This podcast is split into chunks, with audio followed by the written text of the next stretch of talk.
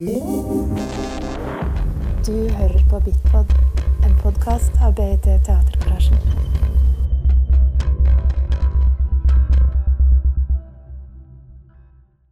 Maybe I just could start by saying thank you. Uh, and um, I'm sure everyone here also uh, maybe have some thoughts after seeing the movie. Uh, I would really appreciate if uh, maybe someone would like to join in on the conversation uh, as we go along. Uh, so if you have any questions, either to uh, in relations to the movie or sort of more like the themes we're going to discuss. So please uh, just feel free to raise your hand and join in. So you, um, when did you record these meetings? So uh, this was in 2016 or? No, the first one was. Uh, it says in the beginning, I think 2014. Yeah. Okay. Yeah. Yeah. In 2016, I edited it and finished it. Yeah. But I was in school, so it wasn't like I was working on this the whole three years. I actually filmed one and then half a year break, and I filmed four. Then I think even one or one year break, and then the rest like in few months. Okay. So it wasn't. I didn't. I didn't plan it to be a long movie. Actually, it started from a short clip, and then I kind of gradually added. Yeah. Um, and you've been uh, so like showing this movie and also the uh, performance Cockles there uh, for uh, maybe a year and a half now, or Yep, I've been touring. Yeah, they were my graduation works actually. I, I graduated in Amsterdam as a choreographer actually. Uh, and I started touring immediately after school with this in film festivals and with that in performance festivals. Uh, so I guess you have had uh, quite a few of these talks afterwards, both the movie and the uh, performance. Uh, uh, what is the most uh, frequently asked questions that people have after watching uh, your movie? Um, well, at least for example in film festivals, the Q and A's are around fifteen minutes, so actually people get to ask pretty much the same questions. So it's kind of basic. They um, ask the obvious why only men, and then they ask if I felt I was afraid, or why these cities. So kind of very basic questions. And I one time I had in Poland like a one hour Q and A or one and a half hours. People kept asking, and that was very nice because then we get somewhere. Okay, yeah. So it maybe starts a bit lightly and then maybe diving into. Yeah, or I think there's some things that you start to wonder during the film, and you need to ask those immediately, and then you start to kind of ponder on it. Yeah. So why only men? Who answered? Um, Or was it um, uh, was it these people uh, alone who answered your ad, or was there uh, was there more? Uh, Um, well, first of all, I put it first in Craigslist. There is a category called strictly platonic. So it started almost that it could have been anything. And I noticed very soon that only men responded. And I quite quickly decided that that's how it's gonna be because I also realized that I've never seen a work where a female artist subjects are only men. Because we know the classical setup throughout the whole history of art where women are the objects of men artists. And i wanted to flip it around so i thought it would be a very different movie if i for example would film also women. So i decided that this will be only about me meeting men. Mm. and i think when i started the whole this thinking of what female gaze is because of back in the days and three years ago i was in um, new york. And there there was a big boom of female gaze being attached to the selfie so women's gaze to themselves. And i went to so many of these uh, uh, exhibitions where female gaze was the selfie gaze so which is great. I think it's awesome that now we're living in an era where finally women are responsible or empower how they want to portray themselves. So that's great. But for me that was not necessarily enough to define what female gaze was. So then I also started to think what it could be and is it would it be opposed to male gaze or would it be a completely different thing? And I think to define that was one of the Mm. starting points. And for that, I needed them to be also only men. Mm. Also, you, uh, I'd like to talk more about uh, sort of like the female gaze and also related to social media afterwards. But um, uh, when you screen this movie to people, uh, do men and women uh, react differently to differently to it, and how in that case? Um, not so much. I couldn't. I mean, I, I don't think I can make such a generalization. Somehow, for some reason, men are bigger fans of it. Yeah. Like, like really writing these long essays. Where I think they think it's an amazing work. Like I haven't seen so many women. Like I just found, you posted it on your Facebook page. It's like Mm. super long text Mm. it was uh, written by a guy. Um, but I don't know. Maybe it's because I'm the only female character that women watching this film they will automatically think what they would do in my position, how they would, how they do. So they maybe judge it more from that. And men perhaps put themselves a bit above them. They might recognize self, but it's not that they will identify with the guys. Mm. But then again, it really depends on your own experience. I, I would even say that there are people who think that they're complete weirdos, and there are people who say like, I wish I would know them, or I know exactly that person. Yeah. So it really depends on your personal experience, what you have done Yeah. with your life, how you perceive it. Yeah. I'll just say for my case that I, I, I recognize some of these men and also some of these uh, experiences. Uh, and I'm pretty sure that maybe some of you also feel the same or quite differently, which is always interesting. Um, and could you uh, tell us a little bit about the connection between this movie and the performance, which is uh, you can join us here tomorrow and Saturday. Yeah. Um, oh, there, there, there's someone that's written the sister pieces. This movie and the performance. Yeah. Um, I think it's me who says that.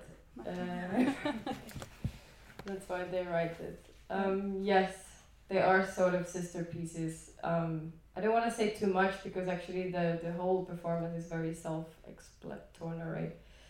It tells a bit of the background of this work, but I do, I must say that as a maker, I really enjoy that they can be watched separately and that this film can um, exist without the knowledge, or you don't even need to see the performance to understand this work.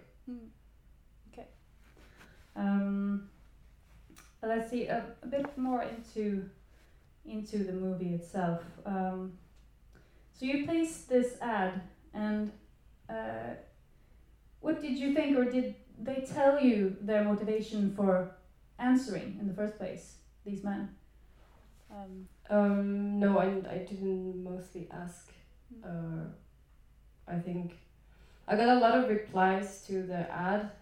A lot of, of course, straight on like sexual mm, proposals, which I skipped, and but these were people who seemed to be open for the experience, and they also I didn't need to go through a lot of exchange of emails because I sort of didn't want to know that much about them. mm, And I mean, you can of course guess or make guesses why they would take part, but most of them didn't seem to already have an image what they wanted to share. So I don't find myself very much a kind of interviewer, so I don't really ask questions or ask them to do anything. mm, But I would say my position is more. Mm, I don't really encourage anyone, but I also don't judge. So it's almost like if you want to do this, I'm kind of mm. Did anyone tell you in advance what they wanted to explore or discuss? No, but maybe sometimes you saw it in the nickname, Yeah.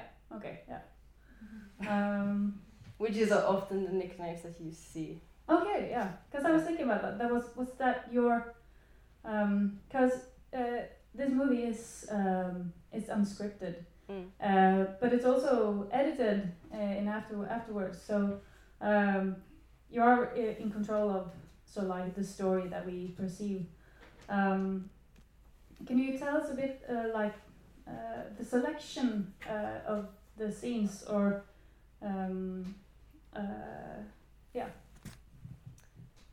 Mm, Yeah, with this type of filming, when there is no nothing that you're kind of going to look for, you end up with a lot of of material hours, and I think that was the biggest uh, work to get actually just sit down and watch all of it and then kind of mark down the seconds. But I always had a certain type of feeling after I would leave, and that I wanted the clip to kind of show how I experienced the person or how I experienced the meeting, and you know when you meet someone there is something that kind of stays with you or if you meet someone and then you tell your friends like oh yeah i met this english plumber and so you have a certain memory because on the first time meeting you don't get to know really Mm. lots of it Mm. Um, because I would imagine that uh, you bringing the camera would like it would remove a lot of the like the initial handshakes and hey how do you do where did you go to school sort of conversations. yeah i don't even know most of their names even so exactly that's you skip that all that cv information like it's not that interesting and it kind of the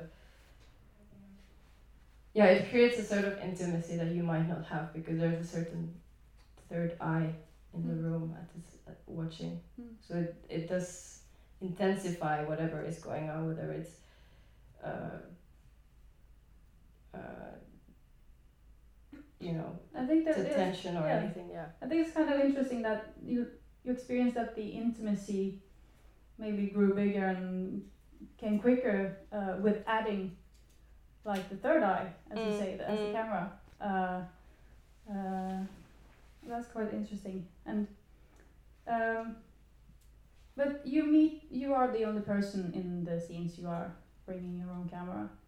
And of course, as I also heard the as Q and A or podcast where the first question from the audience was, "But this is that was dangerous. Did you did you Mm. were you aware of the risk?" mm. And I think every woman is aware of the risk. Mm. Uh, but uh, what kind of um, precautions did you take uh, with knowing that?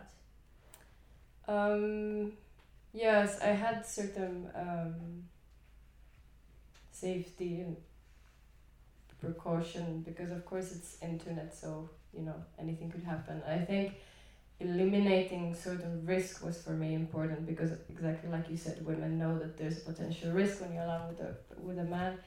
And I needed to know that I don't have to censor myself. I need to be in a position where I don't have to uh, be afraid but uh, I always say that in a way there is a certain risk to any interesting art or journalism especially Yeah. Um, and I find it funny that I've gone to a lot of film festivals where we have all these male documentaries that go like in the middle of war and no one is afraid for them no one asks like were you afraid like no one cares Did you tell your friend you were going to war before you went there? And, no but it seems like everyone's it's kind of cute that everyone's so worried about me Yeah. which yeah. I didn't feel that they were for my male colleagues, even they were making way more aggressive and Yeah. risky thing. Um, a bit more about these uh, these men. Have you um, uh, did you became friends with some of them or stayed in touch after the initial meeting and the filming? Uh, yeah, actually, with quite some of them. Um, Steph even just messaged me like a week ago that he wants to make a sequel, so he's around. uh, yeah, Yeah. I did. Um, and so that would be just like my interpretation, but it it seems to me that there there is this um, of longing for maybe someone just to talk to or sharing some kind of intimacy that maybe made them respond in the first place. I don't know. Mm. Um, uh, and whether some of them experience some kind of loneliness. But do you think do you think men and women uh, relate differently to uh, maybe just being lonely or connecting to other people? Uh, Or are we just the same? Is it more difficult? Because there is an ongoing debate now, in uh, especially in Norway, where uh, I think there was like uh, like the single men is w- one in five men uh, say they have no close friends Mm. at all. Mm. Um, and there is ongoing debate also about how men in our society end up uh, like losers or they end up not having children and uh, so like the lonely the lonely male uh, which is so like my I started reflecting on after seeing this movie Mm. uh, because I really like that you have uh, a really sort of like what I interpret as a very empathy, empathetic gaze towards these men. Mm. You take them seriously; they expose themselves, but I, I don't really experience that they are being exposed Mm. uh, for the sake of your movie. So I really enjoyed that. Uh, have you heard that before? Or Yeah, I I enjoyed to hear that a lot. That people didn't find it exploitative, and I think a big big part of it is of course that I'm not in a classical documentary's position behind the camera, but it was very important that I will be with them, you know, that I will step into your world and try to become a bit your style. So if I'm with Steph, of course it was important to be a bit trashy with him, or in you know that we are similar so I'm not just capturing who you are, but I'm kind of trying to understand you while stepping into the frame and being there with you. mm. And I found that for me was more natural way of making a film about someone than just being behind the camera and Mm. asking them to do whatever Mm. they wanted. Yeah. And big part I think is also that I give them the, the choice that they can take the camera and film me if they want. Not not many of them did as much as I would have liked it, but there is a chance that you can flip the gaze around if you want. Because was it um, the Pink director? He did that, or as well as.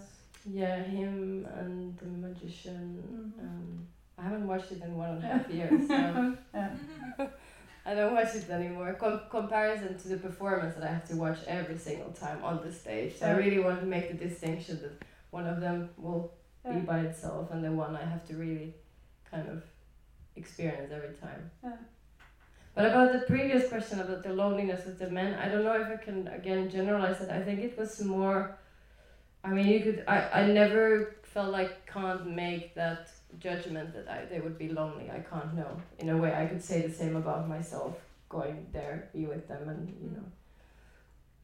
But maybe it's more about online. You know that you find someone online. I think that was a big part. That I will use this online connection because there anyway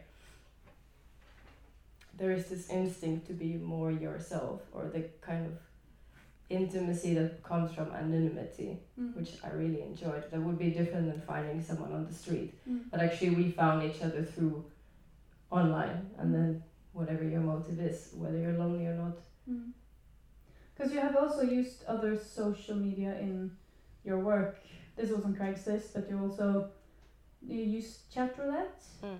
Uh, you see it all tomorrow yeah, okay, yeah, yeah, uh, yeah. Because there is, um, I don't know. Does even does chat roulette exist anymore? Or Yeah. it, they, they still exist. Yeah. Uh, I was kind of fascinated by it by uh, for some time uh, because it, it was also it was really in a, anonymous. You could really decide for yourself how much you want to be exposed or exposed through that medium, and uh, there was some really really intimate experiences which happened very fast uh, because you couldn't really expose each other afterwards Mm. or uh, that was before I even th- thought about oh I'm gonna send a screenshot to your Mm. uh, to the people at work. Do you think ha- has that changed during these last years now the way we use social media? Do you think? I don't even know if I call it somehow for me social media is always how you portray them yourself as a kind of, you know, Instagram or Facebook how it's it's more of a performance and then that's more different, I don't know, connecting media or Yeah. whatever. But it, I don't even think of it as somehow Mm. that's or it's different than these. Uh, I don't know. I don't know. Actually, I haven't used so many of these platforms, so I don't even know if there's like the new thing. I'm not sure either. I'm But past it is 30. kind of- I know. Uh, it is kind of primitive, right? And it's so instant. Like I, I remember I started chatting when I was like eight, or when I like really when we got the first computer at home. I somehow immediately started chatting because it was so exciting, and immediately you have someone from around the world that you can have a discussion with. yeah. So I don't think that will pass. No. It's But I feel uh, maybe uh, some of it may have changed, but uh, more like so like the visual side of social media because it's now very. Uh, so like we, we're all performing on social media, but it's now very uh, also very edited.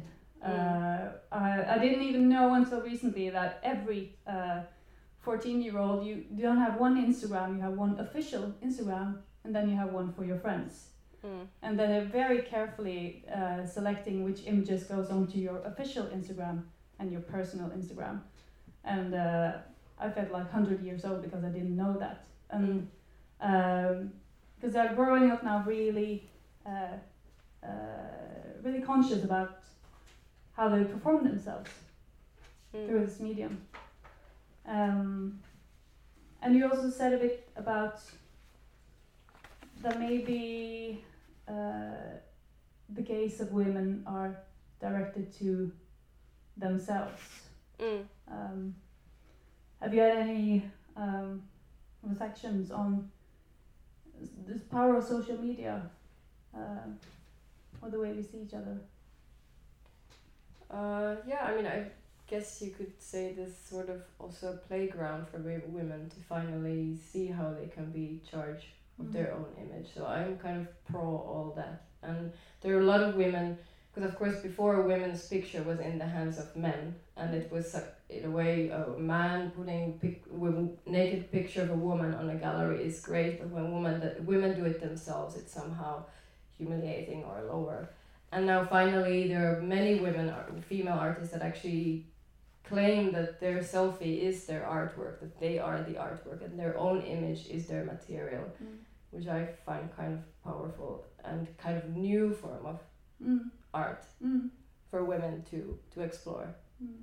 And they're using their sexuality, which is it's it's yeah, it's completely different to the previous uh, feminism, which was very opposed to the women using their beauty and Because you have said something that um, uh, regarding uh, when a female acts out uh, her own sexuality, either or in your art, um, that uh, you said in an interview. I noticed that it seems to, for some people, lessen your credibility Mm. uh, when you show yourself as a sexual being. Uh, how do you reflect upon that in your own line of work? Mm, Did you have like a did you have like a feminist intention uh, with uh, with the movie? no, it Um, was a uh, it was much more instinctual. I think that there was not a, something I really wanted to prove, or it was more important that I will make a film where sexuality is allowed and it's shown by myself. So I'm really showing through my own hands how I want to, you know, there's no one else in charge of my how I portray my sexuality or other sexuality. So that was very important. But of course, when you we, when we watch a lot of films, or when I watch a lot of films, it seems that women's sexuality always was portrayed as something destructive, or it was always to other people to abuse. That that it was never sort of that women cannot be sexual at the same time and have agency, which Mm. men of course can be. They can be sexual. I also found in my film was important that my characters can choose how they want to portray themselves. So it's not like I'm putting them in like male gaze is very much putting the kind of role into you. And here I wanted that they have this sort of agency and they're also the target of the gaze. And now I'm really thinking how that can be that women can be in that same position because it's kind of sad to think that gaze can turn you into a victim. So how can be at the same time the object of the gaze but have agency and both be same uh, same time fine, not one or the other because I don't think women should also peel them off from being sexual. Mm. But it's a very tricky thing because it seems that women's body is the whole most political thing we can ever do, and we can't really run away from it, right? It's it's here all the Mm. time. Whether you're hiding it or showing it, it's always a political statement, and that I find very frustrating. Also, Mm. Because I think you all said it's that it wasn't wasn't a feminist film, but uh, um, it's an art piece. But uh, it, it it shows in the like the context of like a feminist film festival or something. So um, no, actually, I'm very happy that it wasn't because it started from like full-on documentary film Yeah. festival. That it was taken as a documentary film and not like porn film festivals or anything like this. Yeah. Only now because with films, it really practically the window is kind of one year, uh, and that already passed. So after that, I've given it to much more wider mm. spectrum of events like performance festivals or Yeah. something like this. um, that was just like so something just uh, anecdotal. Uh, um, maybe uh, I was started thinking maybe that when you when female artists or authors uh, show yourselves as sexual being, I started thinking thinking about Vigdis Hjorth. We may not have heard of her, but she's a really she's a great author here in Norway. But she was labeled as an erotic novelist Mm. early on in her Mm. career, and due, due to some interviews where she was a picture lying on the grass and just like, oh, writing makes me horny or something. Uh, and then she was constantly for maybe 20 years just credited as an erotic novelist when she is really one of the greatest authors in Norway. And Mm. just now, when she's uh, more of a like a grown or mature woman, she's starting to gain some real credibility. Um, and uh, this uh, is it harder for who, who is who is it difficult for who is it difficult to uh, see women as being self-deciding and sexual? Mm.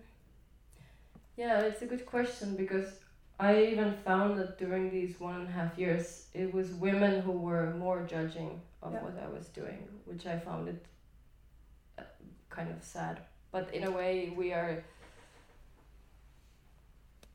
Yeah, I, I don't Because I really. really wanted to reflect upon that because the first time I saw the movie, I just really, uh, it was really uncomfortable to admit it, but there's this sort of like, like an instinct feeling of jealousy or something Mm. uh, towards the woman in the movie, and I think there's a like like really sort of like self internalized misogyny with a lot of women Mm, that makes mm. this really is a like a leap we have to cross just uh, being aware of it and it sounds horrible saying it but uh, uh, um, but I think that's uh, I think it's interesting that you have had that experience that Mm. women may be more judgmental even Mm. uh, so hopefully uh, maybe work like yours can really challenge also women to uh, yeah reflect upon Yeah. this But not only, of course, that's No. just a kind of extreme example. That yeah if there has been someone very aggressive, it usually has been a woman. Yeah. But I have had, of course, I think my, I would even say my biggest critics and biggest supporters are women. So it really goes from side to side. what has what, kind of criticism have you um, is there also a lot of discussion after the movies or the performances um, Mm, very different regarding which work you see. Um, with this one, what was there? I think in Copenhagen when I was there, it, one woman wrote like two star review, and what was the rose? She found that she, I think her main uh, statement was that here we have just a woman who is using her beauty to get material Mm. that was her statement or something like that. But it was also very, I think she was looking for it as a more documentary festival because she felt that we didn't learn anything about the topics. Oh.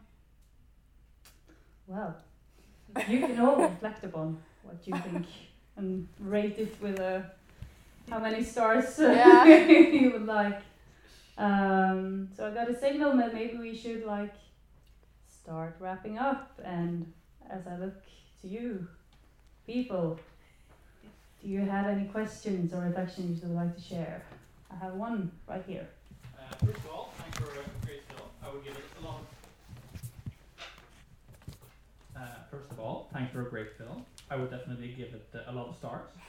Um, I was wondering, what do you think uh, were the, the participants who sort of uh, enjoyed themselves the most or had the most meaningful experience?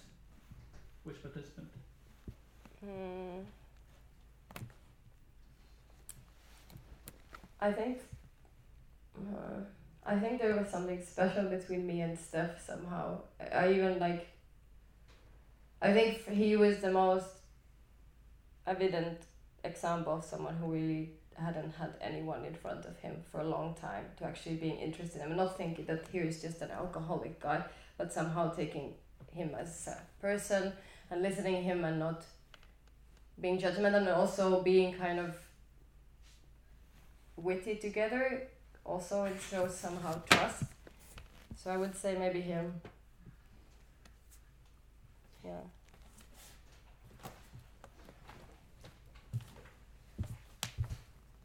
Uh, when you first started, what what was what was the reason for having the counters being so short? Why didn't you first use Craigslist and then get to know them, and then get to know them better? Wh- wh- why just in and outs? Because I wanted to make a collection of first encounters. Uh, I'm I I'm not a documentary maker. I, I didn't care so much for portraits that I would actually show who these people are. And I, for me, sometimes persons' content on their table can tell much more than a half an hour speaking head. So I felt like there's no need to show more. and that's what first encounters are. They can be brief. One, I stayed with one of them for more than a week or a week. Yeah, I saw that. I, I didn't see the week, but I saw the face. Yeah. Um, hi. Um, uh, from what I've read, I think you've claimed somewhere that the, some of the background for both this film and the performance is that you want to reclaim power of your own sexuality and also try to improve your relationship with men. And now you also talk about how how it's important and empowering to portray the woman as the one in charge of their own sexuality. But then, of course, we're being kind of surrounded with lots of examples of how female sexuality should be. And there are lots of stereotypes that, even though we're aware of them or not, somehow influence us. So, what's kind of your, uh, how do you position yourself to these stereotypes when you enter these different encounters? And, and is this something that you're trying to uh, challenge or, or like also when you say that you take on a little bit of who you're meeting, their attitude? I mean, I just, yeah, what are your thoughts around that?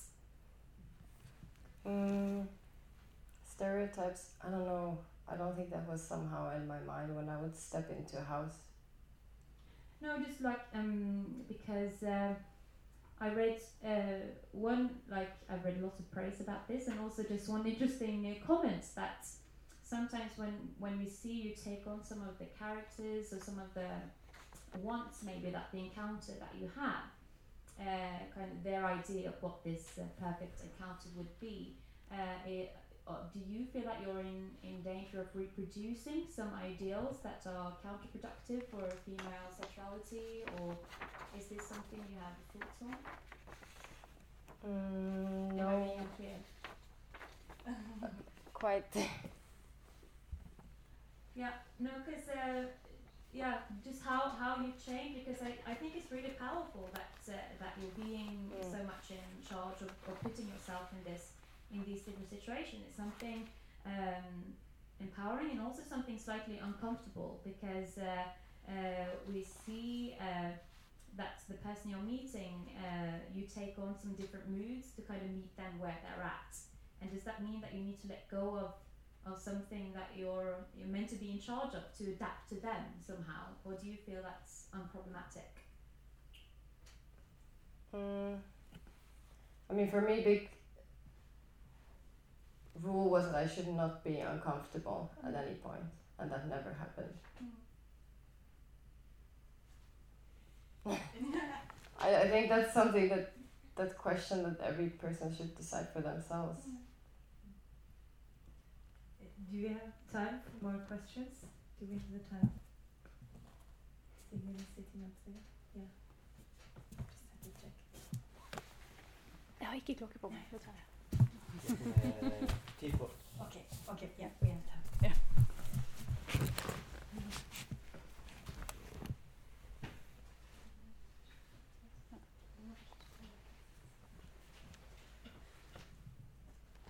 Uh, thank you for showing that film. I enjoyed it a lot. Um, I was wondering if you could uh, talk more about uh, the mindset you had when you were filming uh, what I thought to be was one of the most interesting people as a director. And you were talking earlier about stopping when you felt uncomfortable. Mm. And I felt the only moment maybe you stopped was when you lost control of your film. And so I was wondering, how did you balance in your head uh, as a filmmaker, thinking how it's going to turn out, uh, talking about performativity, what was Mm. performance and what wasn't, and not not just the feeling comfortable side of your actions, but more kind of as a filmmaker. Mm. If you could talk more about that, that would be perfect. I think that was exactly a kind of example of the filmmaker uncomfortableness, not necessarily me as being uncomfortable with him because until that moment I never felt that we were really performing too much and with him it felt like I mean he was very clearly even saying it that, that his in his mind the task was that we will create something uh, uncomfortable for the audience or something shocking and that was never my intention to do that. So that's why I stopped it, and that's why I felt that it was it was tricky because of course while doing this kind of work you don't really have any rules in the beginning. They sort of come while you're making it. And that was a moment when i really felt like oh yeah i don't want to act this scene with him. Because it was not our interaction. It was him saying let's make a scene. But of course you could say that's as uh, genuine as anything else, especially him being a director. But I felt like it was it was very odd, and I didn't want to create because none of that before or after was in a way me creating shocking material, and that would have been very strange to then put it in my movie, knowing that we actually acted a scene for you to be shocked. Why not? Why not? Why not be shocked? Oh, wh- wh- I didn't understand why. That- why did you stop that that situation? Because he wanted our to act a scene for my film. He was not going to spank you, and you were not going to experience pain. I think yes, but it's still like he says. I want to. We want. I want to create a scene, and I never created a scene with any of them. It just happened by itself. Okay. Why not give him that possibility to grab the camera and, and do the project? Because like, I don't know. It, I don't know. It just didn't feel right on that moment. It would have been. Because I didn't act with any of them, and I don't feel like they were acting with me. But he was very much acting something. The feeling base. Hmm? It was based on. No, he was clearly saying it. My task for tonight is that we create something shocking for the audience. Yeah. And I don't think anyone he I think he was the most self conscious that comes maybe because he has a long experience than whatever directing he makes. So it was too we both became too self conscious at that moment. Um, I was wondering if there were any encounters that uh, were filmed that are not included in, in the final film, and if so, uh, why? Mm, not so many because also I didn't feel comfortable making a selection of what is a good first encounter and what is not, so I intended to put all in. Some of them, some material is in the performance that I show tomorrow, so there you can see me going to other cities too. This was only three, and I guess it makes sense when you see the performance why I put them there. There I kind of categorize things differently than person by person. All right. Uh, I'm really excited for the performance now. Yeah, and I hope uh, hope you are as well. Uh, Friday and Saturday here at Vefta Upstairs. upstairs. Um, yeah, this was nice. Yeah. Thank you for your questions. That was uh, super nice. First encounter. Yeah.